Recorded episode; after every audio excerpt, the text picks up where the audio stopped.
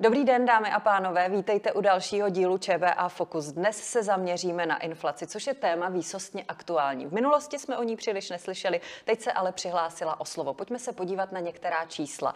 Inflace v září dále zrychlila ze srpnových 4,1% na 4,9%. Analytici odhadovali o něco nižší číslo. Skodovali se na 4,5%. Jde o nejvyšší hodnotu od konce roku 2008. Proč se tak děje a co můžeme čekat do budoucna, to rozebereme s našimi hosty. Začnu ženou, Karina Kubelková, hlavní analytička a vedoucí oddělení analýz hospodářské komory. Dobrý den. Dobrý den. Vítám zde také Jakuba Seidlera, hlavního ekonoma České bankovní asociace. Dobrý den. Hezký den. A nechybí tu ani Pavel Řežábek, hlavní ekonom společnosti ČES. Dobrý den i vám. Dobrý den. Je v tuto chvíli, když slýcháme a vidíme taková vysoká inflační čísla, důvod k panice, pane Seidlere? Tak nevím, jestli k důvodu k panice. Samozřejmě na tom trhu se dějí věci, které trošku k panice vybízí, ale eh, pravdou je to, že budeme mít tady největší inflační epizodu od roku 2008. Jenom pro připomenutí, tehdy ta celková inflace za celý rok přesáhla mírně 6% ale třeba na začátku roku, v některých měsících dokonce byla kolem 7,5% To znamená, že nyní se blížíme vlastně k situaci, kdy ta čísla eh, budou obdobně vysoká, snad trochu nižší. Eh, hodně do toho budou ale promlouvat právě ceny energií, což bude asi i důležité téma toho dnešního povídání, ale zároveň do toho budou vstupovat i různé vládní opatření, například snaha eh, snižovat DPH, které zase tu inflaci, to celkové číslo budou trošinku snižovat, eh, takže celkově odhadnout, kam se nyní ta inflace bude dostávat, je poměrně složité, ale určitě platí. I tak se z toho nevykroutíte, já ano, se vás ano, na to samozřejmě ano, budu ptát i když vím, že je to takové věštění z Jsem na to připraven, koule. ale určitě, já by, abych teda jenom dopověděl, určitě máme eh, tady před sebou eh, prostě největší inflační dobu od toho roku 2008. Paní Kubelková, když eh, v novinách neustále čteme, že je zde jisté riziko, že lidé třeba můžou padat do energetické chudoby, myslíte si, že to bude mít na ně tato čísla, o kterých se teď momentálně bavíme, takový zásah, že to ve svých domácích rozpočtech poznají a bude se jim těžko žít? Tak můžeme usuzovat z těch čísel, tak rozhodně někteří, zase nemůžu říct úplně plošně, to pocítí velmi silně, už teď to v podstatě pocitují. Jestli spadnou do energetické chudoby, to je a kdo konkrétně, to je spíš otázka na zástupce Eh, právě vlády nebo současných představitelů. Eh, já z pohledu eh, zástupce podnikatelů mám trošku zase ohled na to, jak to vnímají podniky, jaké problémy to dělá právě podnikům a zda například budou propouštět nebo jak budou reagovat.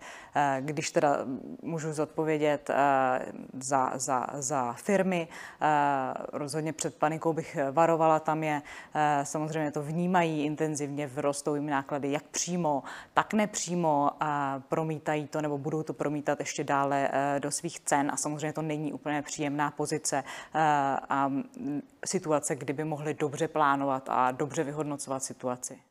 A jaké už teď v tuto chvíli máte od firm signály, eh, ty, které jsou pod hlavičkou hospodářské komory, co vám říkají, jak se jim žije momentálně na trhu a kde vidí největší rizika následných měsíců? Ta situace se velmi dynamicky vyvíjí. Když jsme se ptali koncem srpna, jaká jsou, jaké jsou největší bariéry rozvoje podnikání eh, našich, eh, našich členů, tak eh, na prvním místě se eh, umístily náklady na pracovní sílu a dále nemožnost najít eh, zaměstnance. Ta dostupnost, jak fyzická, tak, tak cenová těch materiálů a, a surovin byla v podstatě až na, na třetím místě. Ta situace se velmi proměnila. Včera, když jsem měla videohovor s, se zástupci hospodářských komor z celé Evropy v rámci Evropského združení hospodářských komor, tak potvrdili, že právě ta dostupnost fyzická fyzická cenová těch, těch součástek, ale těch surovin energií se dostala v podstatě na, na číslo jedna skoro úplně ve všech zemích Evropy jako hlavní bariéra toho dalšího rozvoje. Takže velmi dynamický posun ve velmi krátké době, v podstatě v dvou měsíců, je tady riziko, které, o kterém jsme v loňském roce vůbec nehovořili, na které jsme se podniky neptali, o kterém jako netušili. A teprve ještě v srpnu nebo v těch prázdninách to teprve vystrkovala růžky a najednou jako je to tady na stole a podniky se s tím musí, musí nějakým způsobem srovnat. A upozorňuji, že pro, pro podnikatelské prostředí v České republice je to nejzásadnější a nejenom v České republice, je transparentnost toho prostředí, nějaká stálost, aby, aby mohly firmy dělat plány, mohly investovat. A to je základ toho oživení toho recovery České republiky. Takže tohle všechno působí vlastně eh, ve směru spoždění toho oživení a, a dělá nám samozřejmě starosti. Pane Řežáku, dalo se to očekávat? Očekávali jste taková vysoká čísla? Tak očekávali jsme určitý nárůst, ale takhle vysoká čísla myslím, že nepredikoval vůbec nikdo. Jak to bude do budoucna? Já už jsem tady naznačila, že se na to budu ptát, s jakými čísly počítáte konkrétně vy. Tak eh, to, co nám říká trh, eh, typicky se díváme na forwardové křivky. A trh říká, že eh, do budoucna ceny energií jak plynu, tak i elektřiny budou klesat. Ono je to úzce svázáno, to si pak můžeme ukázat. Hlavním tahounem cen elektřiny je dneska hrozně drahý plyn a to má své specifické důvody, které mají dobrou šanci, že během příštího a rozhodně přes příštího roku už by měly pominout a tím pádem by pak ceny energií měly klesnout. Ale bavíme se eh, víceméně o dlouhodobém horizontu, eh, ne v následujících měsících. To ještě máme očekávat další nárůsty cen energií? Eh, v následujících měsících bude nejvíc záviset na tom, jaká bude zima. Jestli bude tuhá zima, mrazivá nebo dlouhá jako loni, tak ty ceny energií skoro jistě vzrostou ještě. A pak s jarem by teprve začaly klesat. Na druhou stranu, jestli bude zima mírná, tak jako třeba byla předloni nebo aspoň jako byl průměr uplynulých deseti let, tak potom eh, by to znamenalo, že ceny energií začnou klesat dříve. A jak to bude na celém trhu, pane Seidlere? Celkově ceny. No, inflace jako taková. Bez pochyby, bez pochyby inflace eh, bude růst, protože nebude tažena jenom energiema, ale ty ty energie se tam budou velmi propisovat, protože problém s energiemi je takový, že oni vlastně Eh, jsou téměř všude v tom spotřebním koši a i řada vlastně služeb, eh, které Eh, v tom spotřebním koši máme, tak budou muset reagovat na to, že jim budou růst náklady právě na energii. Eh, řada výrobců bude muset zohlednit podstatně vyšší náklady na energii eh, ve svých produktech. To znamená, že například jako cena ropy je podobná, cena energií také, že ona bude prostě bohužel zvyšovat ty výrobní náklady a to se všechno bude promítat do, do inflace. Zároveň v inflaci vidíme i nějaké velmi specifické faktory. Stále nám roste poměrně dynamicky trh nemo nemovitostí, rostou ceny materiálů, eh, takže to se nám také propisuje do části inflace. Eh, zároveň vidíme, že poměrně výrazně začínají růst i ceny potravin, eh, takže to je vlastně faktor, který v letošním roce zatím tolik do inflace nepromlouval. Inflace potravin byla vyšší spíše v tom minulém roce. V České republice ceny potravin rostly v průměru o 5%, což bylo dvojnásobně oproti průměru Evropské unie, ale vypadá to, že právě i potraviny budou přispívat přispívat jako jeden další z faktorů pro tu inflaci. Takže dalo by se říct, že ten cenový nárůst bude viditelný ve všech částech toho spotřebního koše a už nyní vlastně se inflace blíží 5%, což je podstatně vyšší číslo, než eh, jsme očekávali ještě několik měsíců zpátky. A důležité je, že právě ty ceny energií ještě tam vlastně tolik nevstupují, protože v meziročním srovnání stále byly ještě mírně záporné. A v české ekonomice, například i na Slovensku, ještě ten meziroční růst cen energií u domácností se tolik neprojevil. Stále je tam ten meziroční pokles, ale to se teprve v těch příštích měsících začne měnit. V řadě evropských zemí již vidíme, že tam zaznamenávají třeba 30% nárůst cen elektřiny a plynu pro domácnosti. Já jsem zatím zaznamenala 20% předpoklad, že by se ceny energií zvedly Odpovídá to i vašim předpokladům nebo vašemu Musím názoru? říct, že pro mě je to v tuhle chvíli obrovská nejistota právě, jak moc se to propíše, ta, ten současný vývoj na trhu, jak moc se propíše vlastně v těch konečných cenách pro domácnosti, protože každý ten dodavatel nakupoval tu energii eh, trošku jakoby jinak dopředu za lepší ceny a bude mít jinou potřebu vlastně navyšovat ty ceny. Takže já se trochu obávám, že než uvidíme eh, to číslo lednové inflace, která hodně ovlivňuje vlastně celou tu inflaci v těch dalších měsících, tak bude velice obtížné právě říct, jaké, nebo odhadnout, jaká bude ta celková inflace v příštím roce. V tuhle chvíli si myslím, že se pohybujeme klidně kolem 5% v průměru, eh, což je podstatně větší číslo, než jsme si ještě mysleli eh, několik měsíců zpátky, ale je to dáno i tím, že v té druhé polovině roku by to meziroční číslo mělo mírně zvolňovat. Ale v té první půlce roku eh, tam čísla budou podstatně vyšší, klidně budeme přes, přes 6% a říkám, hodně bude záviset třeba, jestli nakonec bude snížené DPH na energie, které to celkové číslo také Těm jednotlivým receptům se taky ještě určitě dostaneme. Pane Řežábku, když jsme tady mluvili o zdražování energii, jak vy to vidíte a, a co očekáváte?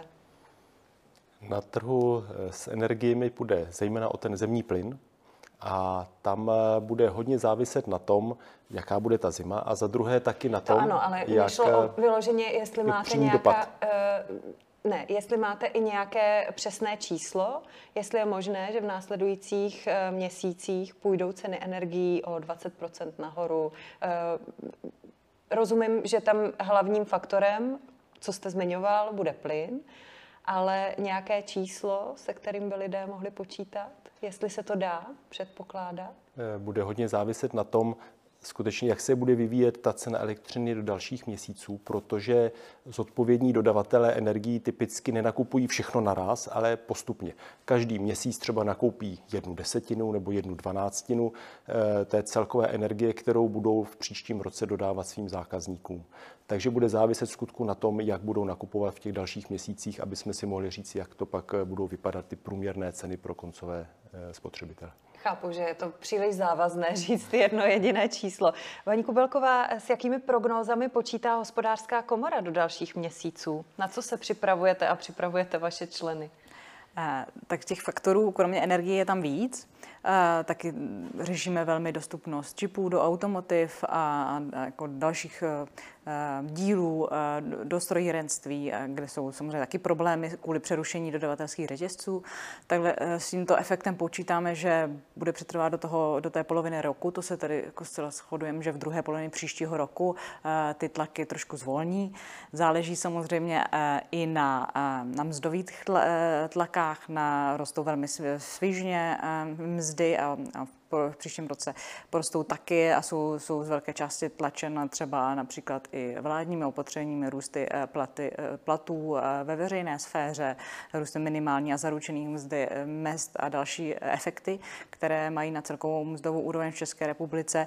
To samozřejmě od toho se tak, taky odvíjí. Eh, podnikatele a v, v, sami, sami nevědí, co, má, co mají čekat v příštím roce, proto i proto je velmi obtížné dělat eh, v tuto chvíli jakékoliv prognózy. Ehm, každopádně, eh, když, se, když se ptáme na horizont delší než, než jednoho roku, tak, tak i podnikatele věří v, v uklidnění nějaké té situace v, v tom, tom, tom střednědobém horizontu, v horizontu dvou, tří let, dejme tomu. Takže i sami jsou si, si Eh, jsou si vědomi tomu, že, že se může jednat o výkyv. Pane Seidlere, eh, už jsme to tady nakousli lehce. Mluvíme tady hodně o cenách energií. Co všechno lidé pocítí ve svých peněženkách, kde bude nejznatelnější nárůst cen? Hmm. No, já se obávám, že to budou určitě právě ceny energií, eh, protože to je důležitý faktor eh, celkově energie v tom spotřebním koši domácností mají necelých 10 tak jak to aspoň měří statistický úřad. A v tuhle chvíli zejména některé domácnosti, které eh, měly tu smůlu, že skončily u dodavatele posledního instan- poslední instance, eh, najednou budou čelit násobným cenám za elektřinu nebo plyn. A to se samozřejmě začne propisovat do jejich peněženek velmi citelně a myslím si, že řada domácností s tím bude mít obrovské problémy a bude se muset hledat nějaké řešení, protože to skutečně není o nějakých desetiprocentních nárůstech, ale je to násobcích. Eh, takže ten dopad skutečně bude silný a pak eh, se obávám, že to budou i dále ty potraviny, které budou vlastně stále více citelněji zdražovat a to ty domácnosti také pocítí a potraviny obecně mají také velkou váhu v tom spotřebním koši.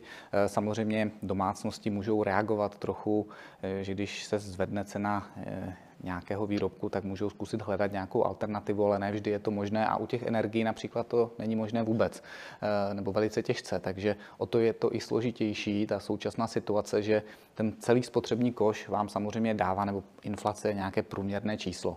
A obecně ekonomové počítají s tím, že když jedny položky rostou, tak domácnosti se snaží třeba od ní trošku odstoupit a hledat nějakou alternativu. Ale v této chvíli, eh, kdy vám budou růst ceny energií, tak to bude velice obtížné. A teď samozřejmě otázka za několik milionů korun, možná desítky. Co s tím? Je na to vůbec nějaký recept, co se týče eh, zdražování energií? Tak eh, viděli jsme, že Evropská komise připravila takový návrh opatření, které můžou jednotlivé vlády udělat. Rozdělila to do krátkodobého opatření a dlouhodobého opatření, nebo střednědobého opatření spíš. A eh, tam teda musíme si říct rovnou, že tak jak třeba když jdete na výlet a přijde bouřka, tak prostě nezastavíte bouřku. Jsme teď v situaci, že začíná pršet a akorát můžeme pak z báglu vytáhnout suché oblečení a těm nejvíce promočeným pomoct a dát jim, dát jim to suché. Ale že ta bouřka přijde, to už je teď úplně jisté. No a pak je ta eh, otázka toho střednědobého horizontu, co se může dělat dál. A tam pak je zapotřebí, eh, a na to je taky zase celá sada návrhu, co by se mělo udělat, od toho, že se podíváme, jestli si třeba někdo příliš nehraje z trhy, až eh, po nějaké konkrétní řešení zdrojového mixu do budoucna. A co by vám z těchto navrhovaných opatření už tedy konkrétně dávalo největší smysl? Kde si myslíte, že by opravdu um, dané návody zafungovaly a lidem pomohly? Tak já myslím, že tak, jak to připravila Evropská komise, tak vlastně všechny dávají smysl. Teď jde o to, aby se pomohlo nejvíc těm nejpostiženějším, protože na některé lidi to dopadne skutečně s velkou brutalitou. Jak říkal kolega Seidler, některé domácnosti opravdu to pocítí velmi výrazně, protože jde nikoli o desítky procent, ale o násobky. A tady těm lidem je samozřejmě zapotřebí pomoc. A na to jsou určená ta krátkodobá opatření, eh, ať už to je snížení daní, nebo ať už to bude třeba snížení poplatku za obnovitelné zdroje energie. To jsou všechno věci použitelné z hlediska Evropské komise. Může se pomoci taky eh, některým sektorům průmyslu v souladu teda s principy obecné pomoci eh, pro, v rámci Evropské unie. Eh, takže je to, je to tam vyjmenováno a vedle toho samozřejmě můžou přijít eh, cílená opatření, nějaké eh, vouchery pro domácnosti, které jsou nejvíce zasažené. Tak tady to je asi to krátkodobé, co nejvíc pomůže. Co firmnímu sektoru by dávalo největší smysl, co byste přijali s povděkem, že se alespoň situace na trhu malinko sklidní, vzhledem k tomu, že jste i říkala, že byste byla ráda, nebo všeobecně je to známo, že firmy mají rády, když je transparentní prostředí a můžou e, nějaká očekávání mít a, a pak je i naplnit. To bohužel teď je velmi problematické. Um, Spíš eh, řešíme právě eh, ta střednědobá a dlouhodobá řešení, eh, aby to, to podnikatelské prostředí se stabilizovalo i v dalším horizontu, nejen v průběhu té poloviny hm, příštího roku nebo toho příštího roku. Na vládě vláda může, nebo co dělá, je i řada jiných inflačních tlaků, které ty inflaci ještě dále přidávají tak eh, tady vidím prostor, eh, kde, kde by vláda mohla jednat, aby, aby eh, nedělala takové kroky, které, které té inflaci kromě energií ještě přidávají další impulzy. Tak tady máte určitě. na mysli konkrétně co? To je například další zvyšování platů ve veřejné sféře, jak už jsem zmiňovala. Aby nebylo tolik peněz v oběhu. Ano, řada, řada, řada jako dalších kroků, nebo i třeba posilování inflačních očekávání, které, které vláda může Eh, může dělat, aby, aby tu situaci třeba ještě nezhoršovala. Takže bych viděla spíš eh, v tom, aby se snažila jak, eh, jak dát teda jistotu ve středním domem horizontu, tak, tak tu situaci třeba sklidňovala i ne tím, že bude zběsile měnit svoji politiku ze dne na den, ale, ale například to, aby se tou situací zabývala, aby poslouchala rady Evropské komise, aby, aby sledovala vývoj v jiných zemích a zamýšlela se nad, nad řešením ve spolupráci třeba s, s ostatníma zeměmi, aby se inspirovala třeba jinými zeměmi, jak tam dělají kroky. Ale to všechno doporučuje Evropská komise v podstatě v té sady doporučení, aby se postupovala nějak, eh, aby se re, revidoval například ten trh, ale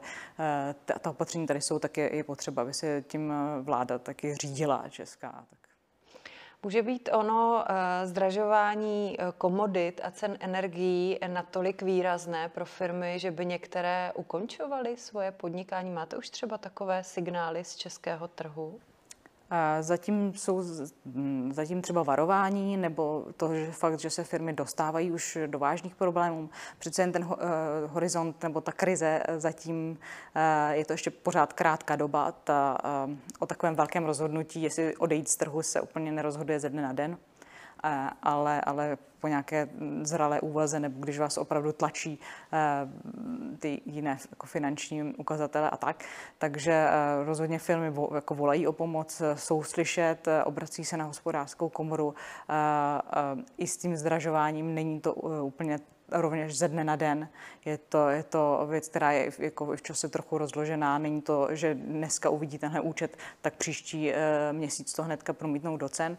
E, i, I tady vidíme trochu to spoždění, takže e, ty, to zvýšení nákladů vlastně firmy jako nárazník chvíli drží, ale vemte si třeba například pekárny, jejich spotřeba energie je obrovská, teď ceny surovin rov, rovněž rostou, tak tady vlastně to zdržování je v podstatě nevyhnutelné, mzdy rostou. V situaci, kdy, kdy vlastně všechny vstupy, eh, vstupy eh, velmi brutálně rostou, marže, marže klesají v podstatě na nulu a někde právě do záporu ta situace není dlouhodobě udržitelná. Musí se něco stát, musí se eh, to promítnout do cen nebo změnit business model například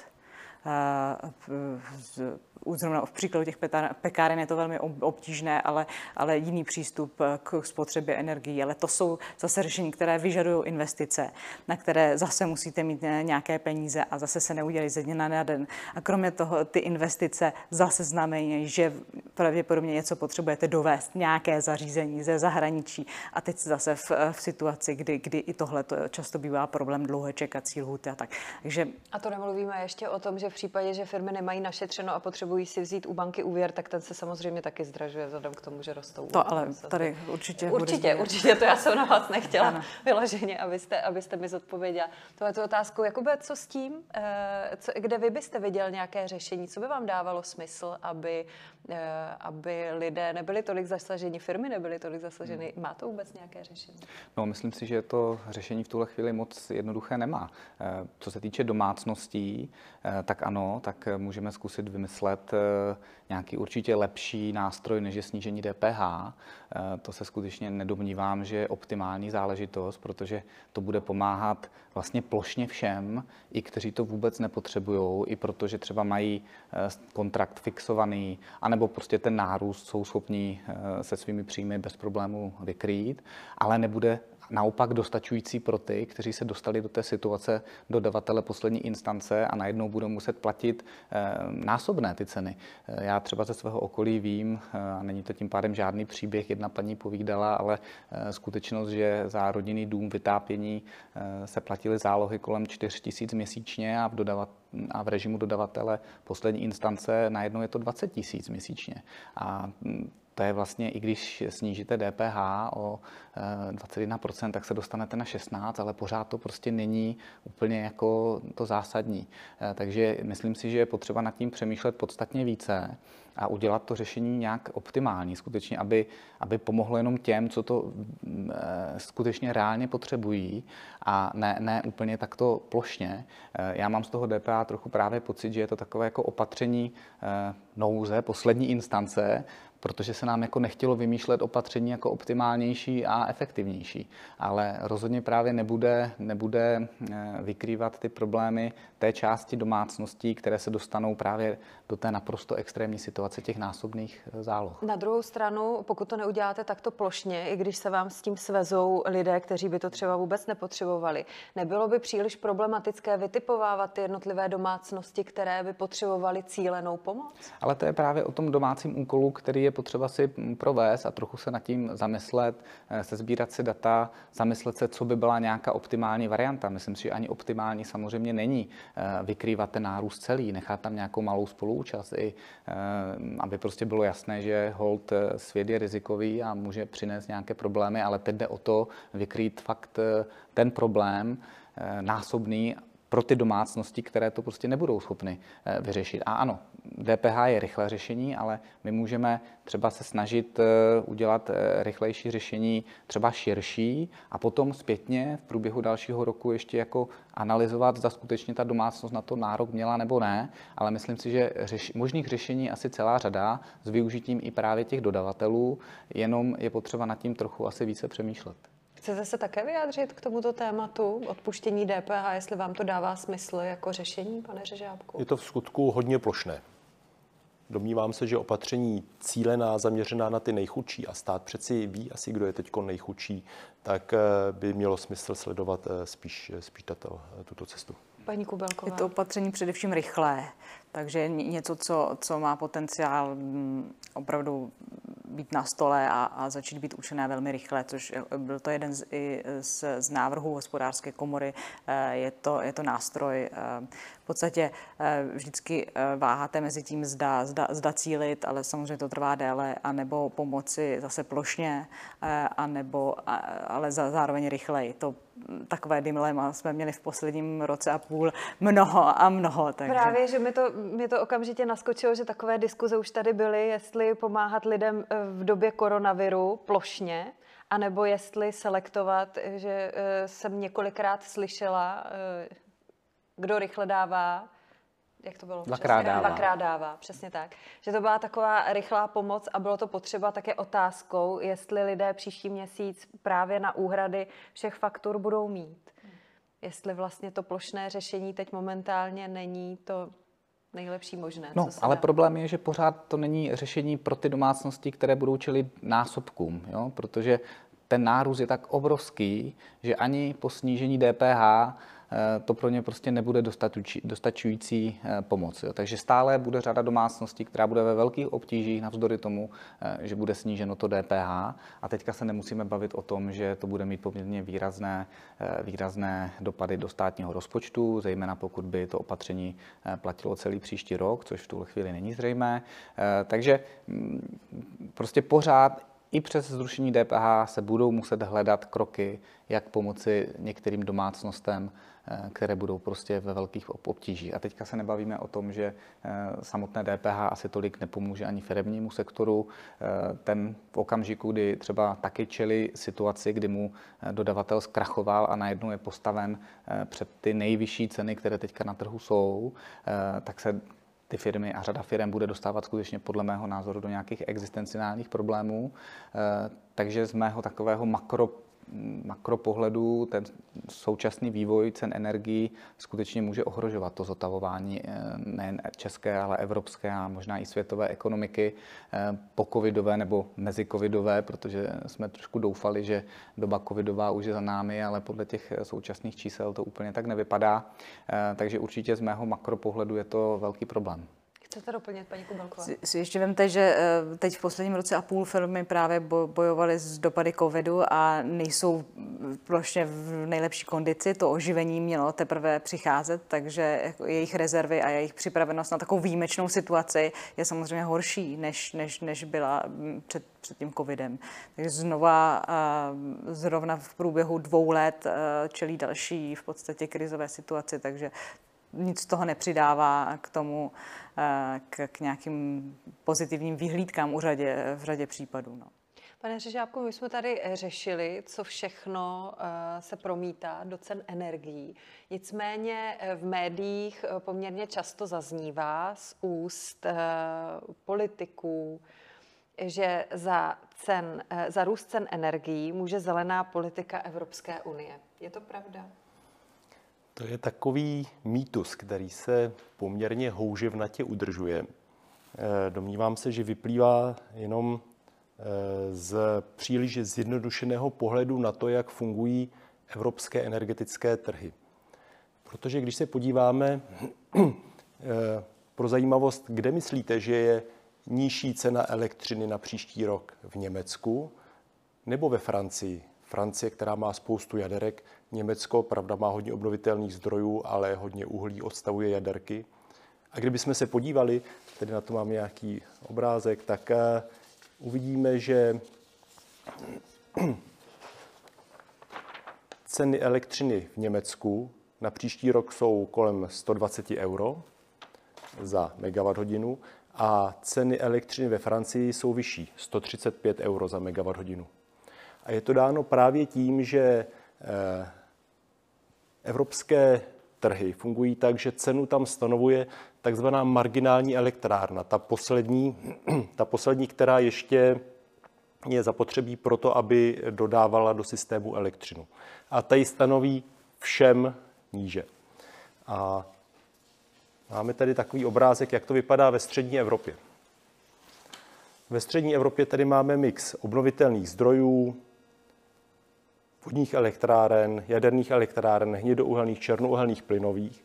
A ve střední Evropě se střídá situace tak podle poptávky a podle výroby obnovitelných zdrojů, že cenu stanovuje někdy plynová elektrárna a někdy uhelná. A proto ty ceny se pohybují v nějakém poměrně širokém rozpětí. Někdy jsou výš, někdy níž, hodinu po hodině. Ve Francii je to tak, že velkou část produkce dodává skutku jádro, ale ty elektrárny, které stanovují cenu, jsou skoro vždycky plynové. A proto je ve Francii nakonec ta cena průměrná za celý rok, eh, ten baseload, jak tomu říkáme, nejprodávanější eh, věc na burze, tak, tak je ve Francii o něco vyšší než v Německu. No a eh, tady to pak nám dává trošku odpověď na to, co se bude dít s cenama elektřiny dál a jak se na tom podílí ty, ta zelená opatření. Vlastně když se staví další a další obnovitelné zdroje, jako třeba v Německu, tak eh, oni vytlačují ty dražší elektrárny, se zařazují úplně na začátek. Takže čím více obnovitelných zdrojů ta země má, tím nižší velkoobchodní ceny tam pak eh, můžeme vidět. Takže výstavba obnovitelných zdrojů v tomto smyslu pomáhá se zbavit závislosti na Eh, světových cenách zemního plynu, ty jsou skutku světové, s tím Evropa nic moc, nic moc nenadělá, ceny jsou vysoké v Evropě, v Ázii, i v Americe. V Americe na trošku jiné úrovni, ale i pro ně je to, je to hodně drahé. Takže výstavba obnovitelných zdrojů je něco, co cenu spíše snižuje, než zvyšuje. A jak si to vysvětlujete, že se tady ale tyhle ty komentáře objevují, že e, nejsou politici ochotní ke změně? Nebo někteří ano, z evropského pohledu, ale ti čeští příliš ne? Já si myslím, že to souvisí s tím nešťastným boomem fotovoltaiky, který jsme tady zažili v roce 2010 a od té doby mají obnovitelné zdroje v Česku psí hlavu. A ve své době to mělo perfektní logiku, protože e, jsme stavěli Eh, za 400 euro na megawatt hodinu něco, eh, co ale od té doby strašně zlevnilo. Dneska ty obnovitelné zdroje, ty samé fotovoltaiky v Německu, když se staví nové, tak eh, na to se udělá aukce a tam se vyaukcionuje cena kolem 50 euro za megawatt hodinu. Čili oni osmkrát zlevnili to už je nejlevnější elektřina, kterou dneska můžeme mít, ale tady to si dneska v Česku poměrně obtížně připouštíme. Pane Seidlere, je cesta s Green Dealem po boku nebo ve, v našem středu eh, k trvalé drahotě?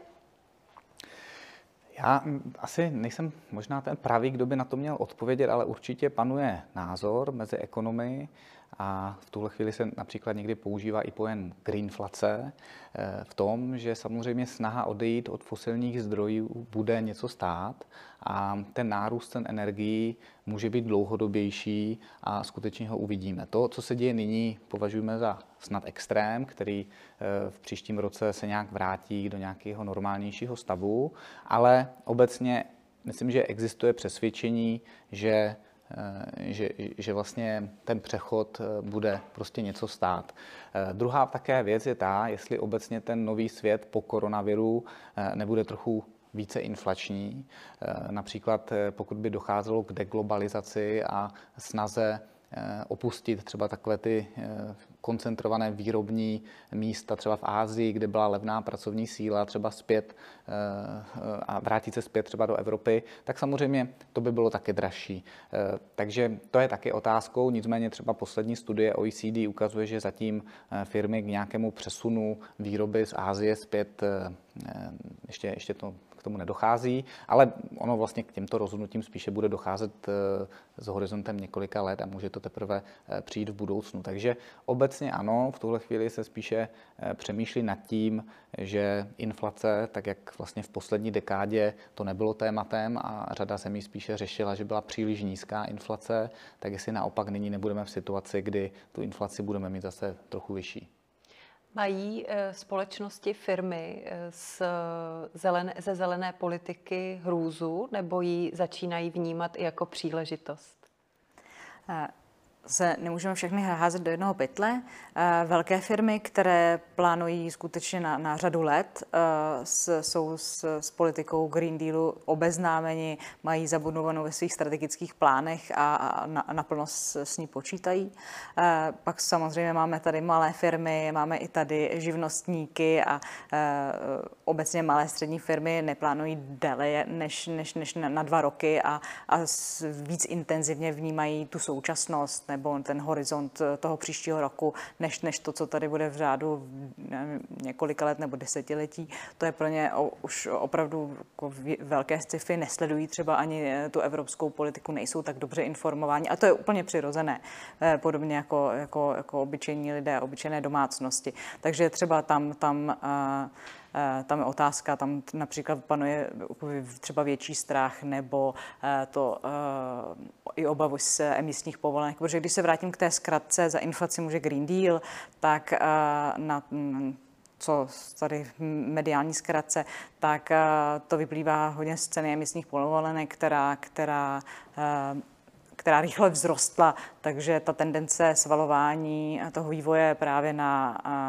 celý Green Deal je tady proto větší. A to samozřejmě neznamená, že ty povolenky hrají hlavní roli v, té, v těch cenách eh, elektřiny. To je, to je mnohem důležitější roli hraje plyn než ty emisní povolenky. Ale něco, co, co skočilo rychle a citelně, co je vidět, o čem se píše a, a i proto pak ten vztah eh, k, k, té, k té zelené politice. Nicméně ještě, jak říkal Jakub, samozřejmě všechno něco stojí, tak uh, uh, je faktem, že, eh, že se celá transformace české ekonomiky, která, která nás čeká nebo která, která probíhá, tak samozřejmě musí nějakým způsobem eh, zaplatit. Takže eh, to, že v příštích letech obecně budou větší inflační tlaky, tak to prostě je realitou. Říkám tlaky, do jaké míry se to skutečně projeví na té inflaci, je pořád, pořád otázka. Pane Seidlere, vy jste chtěl doplnit? Já jsem chtěl doplnit právě eh, tu zkratku od emisních povolenek k cenám elektřiny. To, že asi ten trh nefunguje úplně optimálně, na to se hm, asi shodneme, ale eh, mé takové jednoduché propočty ukázaly, nebo i z toho, co jsem se dočetl, že vlastně na výrobu jedné megawatt hodiny elektřiny z uhlí potřebujete zhruba necelou tunu CO2, což je vlastně ta jedna emisní povolenka. A ta zdražila v řádech několika desítek eur, ale ten růst elektřiny byl podstatně vyšší, takže vlastně ani ten nárůst cen emisní povolenky který pak se samozřejmě promítá do té ceny výroby elektřiny, eh, nevysvětluje ten celkový nebo výrazný nárůst elektřiny na těch trzích. Takže ta zkratka tam skutečně je, ale eh, myslím, že samozřejmě je potřeba přemýšlet, jestli ten trh, eh, jak je nastaven, funguje dobře, jestli je správně, že tam vlastně mohou spekulovat finanční instituce na emisní povolenky, to bez pochyby ano, ale ta zkratka emisní povolenka rovná se vysoká cena elektřiny, to skutečně správně není. Doplníte něco, pane Rád bych, děkuji. Eh, já bych tady zase měl jeden obrázek, který ukazuje, co se vlastně stalo od ledna do října. Eh, když se podíváme, tak eh, na začátku roku byla cena elektřiny kolem 50 euro za megawatt hodinu. Dneska je kolem 130, čili velmi výrazný nárůst. A když si rozklíčujeme jednotlivé příspěvky, které vidíme na trhu, zdražilo uhlí, ale uhlí ku podivu na to už nemá moc vliv, aspoň ne ve střední Evropě, protože ta marginální elektrárna, ta, co stanovuje cenu, je plynová. Takže plyn se promítl strašně moc. Nárůst ceny plynu býval 16, teď je nějakých 56 euro za megawatt hodinu. Tady ten nárůst udělal přes 40 euro navíc do ceny elektřiny. Pak tady máme nárůst ceny povolenky, ta vyrostla z nějakých 34 eh, eh, někam blízko k 60 a ten nárůst eh, je zhruba 16, 17, 18 euro za megawatt hodinu. A je to proto, že ta elektrárna, opět marginální elektrárna, která stanovuje typicky cenu, je plynová a plynové elektrárny mají emisní faktor asi jedna třetina tuny CO2 na megawatt hodinu, tak takhle tu cenu povolenky vezmou a takhle ji promítnou do té, do té závěrné ceny. No a pak tady vidíme další faktor, to jsou ostatní vlivy. Ty bývají poměrně, poměrně malé. Ale to se sešly dva momenty, které v tom hrají roli. Za prvé je to, že poměrně málo fouká. Některé roky jsou více větrné a zrovna ten letošní je málo větrný. A tady to očekávání, byť si můžeme říct, tak to je záležitost teď, tak se promítá i do toho dlouhodobého očekávání. A trh si říká, no tak jestliže letos fouká za rok, taky nemusí, tak ty ceny prostě mají důvod jít trošku nahoru. A druhý faktor, který v tom hraje roli, co když přijde studená zima. Ta šance není moc veliká, ale přece jenom je tady riziková prémie na to, když by byla a ty ceny prolétly střechou, tak potom už teď se říká, s jistou pravděpodobností to nastane a proto to tam je započítáno i dneska do cen elektřiny. Čili to je ten vliv, jak jsme se dostali z 50 na nějakých 130. V skutku naprosto dominantní roli tam hraje plyn, potom, potom srovnatelnou roli má povolenka eh, jako, jako očekávání eh, klimatická. Rozumím.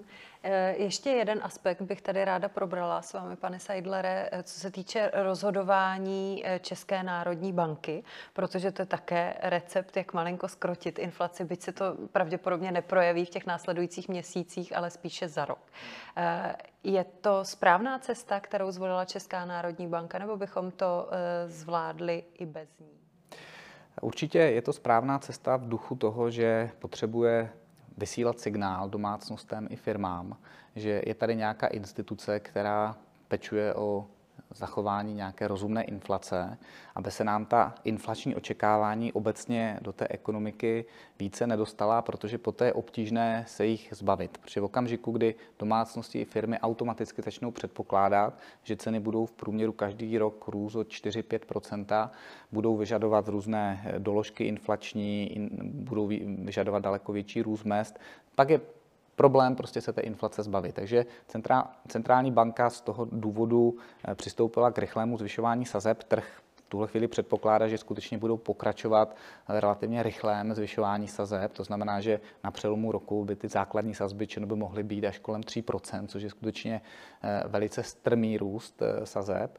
A ono to má určitě svá dilemata. To, že tady máme pořád řadu rizik a to, že to rozhodování není vůbec úplně eh, snadné a je potřeba nad tím přemýšlet. O tom žádná v tuhle chvíli bych skutečně nechtěl být v roli centrálních bankéřů, protože ono to může mít řadu negativních důsledků. Třeba okamžik... schlazení českých firm nebo schlazení ekonomiky. Určitě, určitě to je, vlastně oni chtějí i schladit, ale bohužel tím schladí i třeba část ekonomiky, kterou tolik chladit nechtějí, ale bohužel to nejde roz, rozdělit. Eh, může to vést i k tomu, že eh, řada firm eh, potom přejde raději na eurové financování, protože korunové financování a korunové úvěry budou podstatně dražší, takže potom vlastně více firm bude preferovat eurové půjčky a de facto takhle i budete ztrácet tu efektivnost té měnové politiky do budoucna, protože už nebudete mít vlastně takový kanál, jak působit na ty půjčky pro korporáty. Takže určitě to není vůbec v tuhle chvíli jednoduché, protože část té inflace je nabídkového charakteru. Ehm, na to centrální banka žádný vliv nemá, ale myslím si, že velkou roli v tuhle chvíli právě hraje ten efekt vyslání signálů vůči aktérům, domácnosti a firmám, že prostě někdo se snaží s tou inflací bojovat a aby firmy a domácnosti nepředpokládaly, že tady vlastně inflace bude na dlouhou dobu eh, takhle vysoká. Já vám moc děkuji za tuto debatu. V případě, že chcete ještě něco doplnit ke, ke zmíněnému. Já úplně souhlasím s, s Jakubem. Já jsem viděla právě, že přikivujete, tak už jsem e, si říkala, že to tady ukončíme, abychom nenatahovali příliš naše diváky. Děkuji vám moc za to, že jste byli součástí dalšího dílu ČBA Fokusu. Loučím se s Karinou Kubelkovou, děkuji vám, nashledanou. S Jakubem Seidlerem, děkuji. A také s Pavlem Řežábkem, děkuji vám. Díky, A díky i vám, že jste to s námi opět vydrželi a věřím, že i to dnešní pro vás bylo zajímavé. Mějte se hezky a nashledanou.